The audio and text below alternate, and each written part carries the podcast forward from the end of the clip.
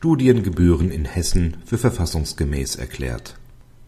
Der Hessische Staatsgerichtshof hat die Erhebung von Studiengebühren in Hessen für mit der hessischen Verfassung vereinbar erklärt.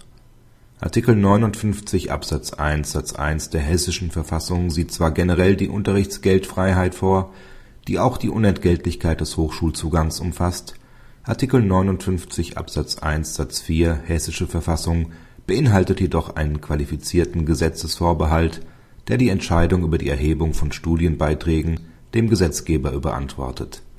Der Gesetzgeber befindet sich innerhalb dieses Vorbehalts, wenn er davon ausgeht, dass alle Studierenden an hessischen Hochschulen im Rahmen ihres Erststudiums in der wirtschaftlichen Lage seien, den Grundstudienbetrag von 500 Euro je Semester zu zahlen.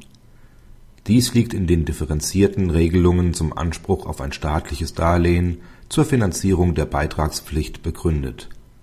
Fünf der elf Richter des Staatsgerichtshofs haben der Entscheidung ihre abweichende Meinung angefügt, nach der die Beitragspflicht in verschiedener Hinsicht verfassungswidrig ist.